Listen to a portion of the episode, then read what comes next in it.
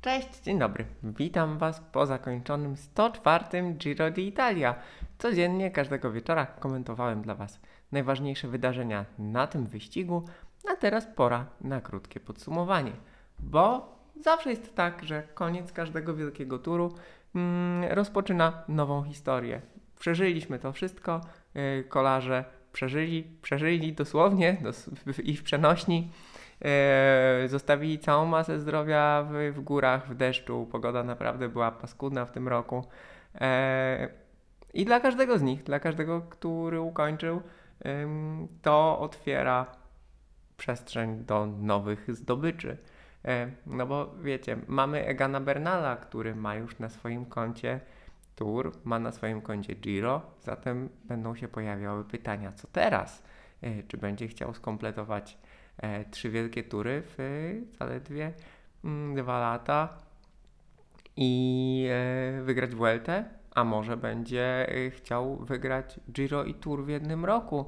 No, na pewno nie w tym, bo przez Igrzyska, przez Euro e, Tour de France w tym roku jest e, za wcześnie. Odległość między włoskim i francuskim wyścigiem jest po prostu e, zbyt mała. E, co z Damiano Caruso, słuchajcie, no pojechał wyścig życia, sprawdził się znakomicie i czy teraz będzie przejawiał więcej własnych ambicji yy, i będzie miał taką możliwość, czy bliżej końca niż początku kariery podpisze jakiś lukratywny kontrakt i będzie liderem? Jeżeli tak, to jak sprawni się w takiej roli? Co z Almeidą, który zaczął wolniej, skończył lepiej i jego potencjał jako grand turowca wciąż jest wielki, biorąc pod uwagę poprawę jazdy w górach i bardzo dobrą jazdę na czas. E, co zrobi Simon Yates, który nie wygrał Giro, a bardzo chciał i prezentował momentami przebłyski, żeby mógł i tak dalej, i tak dalej, i tak dalej. Tych historii, słuchajcie, jest bardzo dużo, ale zacznę od czegoś innego. Zacznę od e, cyferek. Nie byłbym sobą, gdybym e, nie podał Wam pewnych danych. E, tak naprawdę było tylko dwóch kolarzy w, na tym Giro d'Italia, którzy jechali um, cały wyścig w dobrej, równej dyspozycji. To był pierwszy i drugi zawodnik klasyfikacji generalnej, Egan Bernal i Damiano Caruso. I mam dla Was takie porównanie, e, jak i gdzie e, Egan Bernal budował przewagę nad Caruso. Trzeba pamiętać, że Caruso zaczynał wyścig jako e, pomocnik Michela Landy, E, Mikel Landa szybko odpadł niestety, Kraksa, no i zobaczymy też właśnie jak e, jego, e, jego losy potoczą się dalej i w tym sezonie i w kolejnych, bo wciąż jest tą niespełnioną nadzieją. Co jest istotne w kontekście porównania jazdy Bernala i Caruso, no to, że Bernalowi wypadł tylko jeden pomocnik. Drużyna Bahrain Victorious naprawdę była bardzo mocno przetrzebiona, bo tam trzeba pamiętać, że i wycofał się Mohoric po tej brzydkiej kraksie, i Gino Meder, no i Landa, więc Caruso tak naprawdę musiał sam więcej energii poświęcać na zdobywanie pozycji w peletonie, bidony i to wszystko. E, choć e, nie było tego tak bardzo widać w tych relacjach, wygląda na to, że ten okrojony, przetrzebiony skład Bahrain Victorious opiekował się nim właściwie. No, Bernal nie miał tylko Pawła Siwakowa, który odpadł na tym samym etapie co Landa, ale jednak e, strach pomyśleć, co by to było, gdyby drużyna Ineos Grenadiers jechała w pełnym składzie. Zatem po kolei. Na pierwszym etapie, na czasówce e, w Turynie, e, Caruso zyskał 7 sekund nad, nad Bernalem. E, na Sestoli, gdzie e, Caruso był w, jeszcze w, w serwisie, w służbie Landy, stracił do Bernala 11 sekund. Na San Giacomo 13 sekund. Na Campo Felice, gdzie Bernal pokazał swoją wielką moc i dynamikę 12. Zatem tutaj już mamy 25, 36 mm, minus 7, 29 sekund przewagi Bernala na tych takich najbardziej dynamicznych e, odcinkach. No i przyszły szutry, przyszły szutry Toskanii, Montalcino i tam Caruso, mimo że był jednym z lepszych e, rywali Bernala, który nie zagapił się, e, większość ataków wytrzymał, stracił aż 26 sekund. Dniem, w którym mm, Egan Bernal tak naprawdę przypieczętował wygraną z perspektywy całego wyścigu, był Zonkolan. Na Zonkolanie Scaruso wygrał 39 sekund, nad kolejnymi rywalami jeszcze więcej. E, I tak naprawdę Zonkolan, Montalcino e, oraz etap do Cortiny Zampetto, ten e, z wyciętymi przełęczami Fedaje Pordoi, gdzie zyskał nad Caruso 27 sekund. Te trzy etapy w środkowej części wyścigu tak naprawdę zbudowały główną przewagę Egana Bernala nad Damiano Caruso. Cała reszta to były takie niewielkie, niewielkie różnice. E, Segadiala, gdzie Bernal teoretycznie przeżywał ten największy kryzys, owszem, tam Simon Yates i Almeida e, szarżowali. E, Do Caruso Bernal stracił tylko 3 sekundy, z kolei na Alpe Di- Dimera nadrobił 4, więc to wszystko na remis. No i Alpe Motta, ten wielki, wielki dzień Damiano Caruso, to są 24 sekundy przewagi nad Bernalem i ostatnia czasówka 30. Gdzie w sumie Bernal tak naprawdę, jak mówiłem Wam w porównaniu, yy, w podsumowaniu bezpośrednio po czasówce, Bernal pojechał całkiem przyzwoicie, no bo jednak jest to yy, drobnej postury góral. Yy, Także trzy etapy w środkowej części wyścigu oceniane jako te kluczowe, faktycznie kluczowe były. Szutry, Zonkolan, Dolomity, tam Egan Bernal wygrał, to Giro d'Italia. No i na kolejnych etapach, e, mimo gorszego dnia, po prostu, po prostu skutecznie się e, bronią. Tak jak Wam mówiłem w, w trakcie wyścigu, e, widać było, jak bardzo kolarstwo jest sportem drużynowym. Warto podkreślić niezmierną dojrzałość nie tylko Egana Bernala, ale też i jego pomocników, bo Bernal ma 24 lata, Martinez ma 25, a naprawdę pojechali jak stare wygi nie spanikowali, to jest bardzo ważne. E, Bywa, że w chwili takiego kryzysu, jaki przeżywał Bernal, pytanie, czy to był kryzys, czy to po prostu był mm, nieznaczny spadek formy, bo właśnie no, e, te sekundki tak naprawdę e, straty to nie było bardzo dużo, tak? To były sekundy straty w porównaniu z tą przewagą budowaną każdego dnia.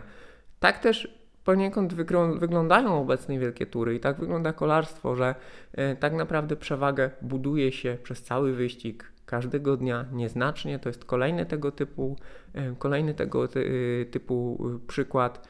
Ym, No, w zeszłym roku tak naprawdę y, Roglic, który przegrał z Pogaczarem Tour de France, też budował przewagę każdego dnia. No i niestety przyszedł ten dzień, kiedy e, dostał łomot od Pogaczara i przegrał cały wyścig. Tutaj mogło być podobnie. Bernal y, miał trochę więcej szczęścia, m, ten jego gorszy dzień był mniej zły ym, i to wystarczyło. Y, To tyle tak naprawdę, y, jeżeli chodzi o klasyfikację generalną. Simon Yates trzeci, czy jest zadowolony? Nie wiem, no jest na podium, pewnie chciał wygrać. E, Bardzo duże różnice mm, tych pretendentów, y, którzy mogli coś zrobić y, w końcowej fazie wyścigu zostało naprawdę niewielu. To był, to był po prostu bardzo ciężki wyścig. Symptomatyczne dla tego Giro, e, mm, symptomatyczna dla tego Giro jest niezmierna skuteczność ucieczek. W zasadzie em, na większości etapów ucieczki dojeżdżały do mety. To była piękna rywalizacja. Mm, Zawodnicy na przykład Kubeka Asos świetnie sobie tutaj radzili. E, Tutaj te początkowe etapy, gdzie zawodnicy Intermarchelanty e, szarżowali. Mm, To też jest ciekawe i można się zastanowić, dlaczego tak było, czy dlatego, że e, na przykład kolarze tych grup liderów mieli w perspektywie ten bardzo ciężki mm, ostatni tydzień i szanowali siły, czy przez pogodę, y, która powodowała, że też nie chcieli ryzykować, czy z jakichś innych powodów. To jestem ciekaw tego, jakie macie, jakie tutaj macie mm, pomysły. Dość szybko wypadli sprinterzy, y, zatem y, no Caleb który był zdecydowanie y, numerem jeden, cały czas jakby ta, ta dyskusja na temat tego, czy on się wycofał, bo myślał o Tour de France, czy się wycofał, bo czuł się gorzej. Tak czy inaczej wycofał się, ale był najlepszym sprinterem tego wyścigu. Y, W końcu, w końcu Nicolo wygrał etap, swój wymarzony etap Giro, a Peter Sagan również wygrał etap i ma cyklamenową koszulkę. Na pewno jednym z przegranych y, tego wyścigu jest Elia Viviani, który był praktycznie, mm, praktycznie niewidoczny. Y, tak to wyglądało. Mm, Cały ten wyścig y, opowiadałem Wam o tym niemal codziennie. Potwierdzał, potwierdzał te wszystkie kolarskie prawdy, tak? O słabszym dniu, o znaczeniu drużyny, o y, sz- niepotrzebnym szarżowaniu, o trzecim tygodniu Giro. E, Więc mieliśmy taką, wszyscy mieliśmy znakomitą lekcję kolarstwa. E, Wielka szkoda, że pogoda była mm, no, niezbyt dobra. Wielka szkoda, że ten etap w Dolomitach został skrócony.